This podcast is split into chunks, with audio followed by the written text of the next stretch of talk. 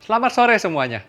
Kita ketemu lagi di Danamon Financial Friday dan hari ini kita akan membahas secara lebih spesifik soal reksadana. Apa sih yang dimaksud dengan reksadana? Reksadana adalah wadah dan pola pengelolaan dana bagi sekumpulan investor untuk berinvestasi di instrumen-instrumen investasi di pasar modal dalam bentuk unit penyertaan reksadana. Jadi, ada lima alasan kita berinvestasi di reksadana. Yang pertama, potensi imbal hasil yang lebih tinggi. Lalu yang kedua, reksadana dikelola oleh manajer investasi yang profesional, sehingga kita bisa mempercayakan uang kita kepada ahlinya. Yang ketiga, reksadana terdiversifikasi secara resiko. Yang keempat, imbal hasil reksadana sudah bebas pajak. Dan yang terakhir, Reksadana terjangkau, tidak perlu uang besar untuk membeli reksadana.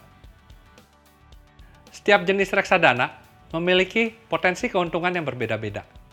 Otomatis, apabila resikonya semakin tinggi, return yang diharapkan pun juga semakin besar. Reksadana yang paling agresif adalah reksadana saham. Dan reksadana yang paling aman itu adalah reksadana pasar uang.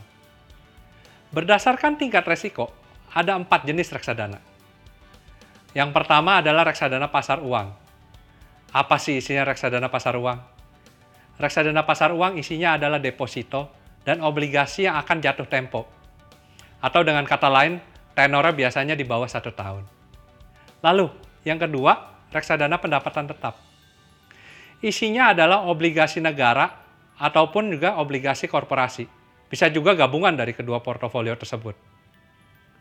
Yang ketiga, reksadana campuran. Nah, itu isinya adalah obligasi dan saham. Dan otomatis karena ada sahamnya, resikonya juga lebih tinggi dibandingkan reksadana pendapatan tetap. Dan yang terakhir yang paling agresif itu adalah reksadana saham. Setelah penjelasan singkat sebelumnya, kira-kira reksadana mana yang paling cocok dengan profil resiko Anda? Terima kasih dan sampai jumpa di Danamon Financial Friday minggu depan. Selamat sore.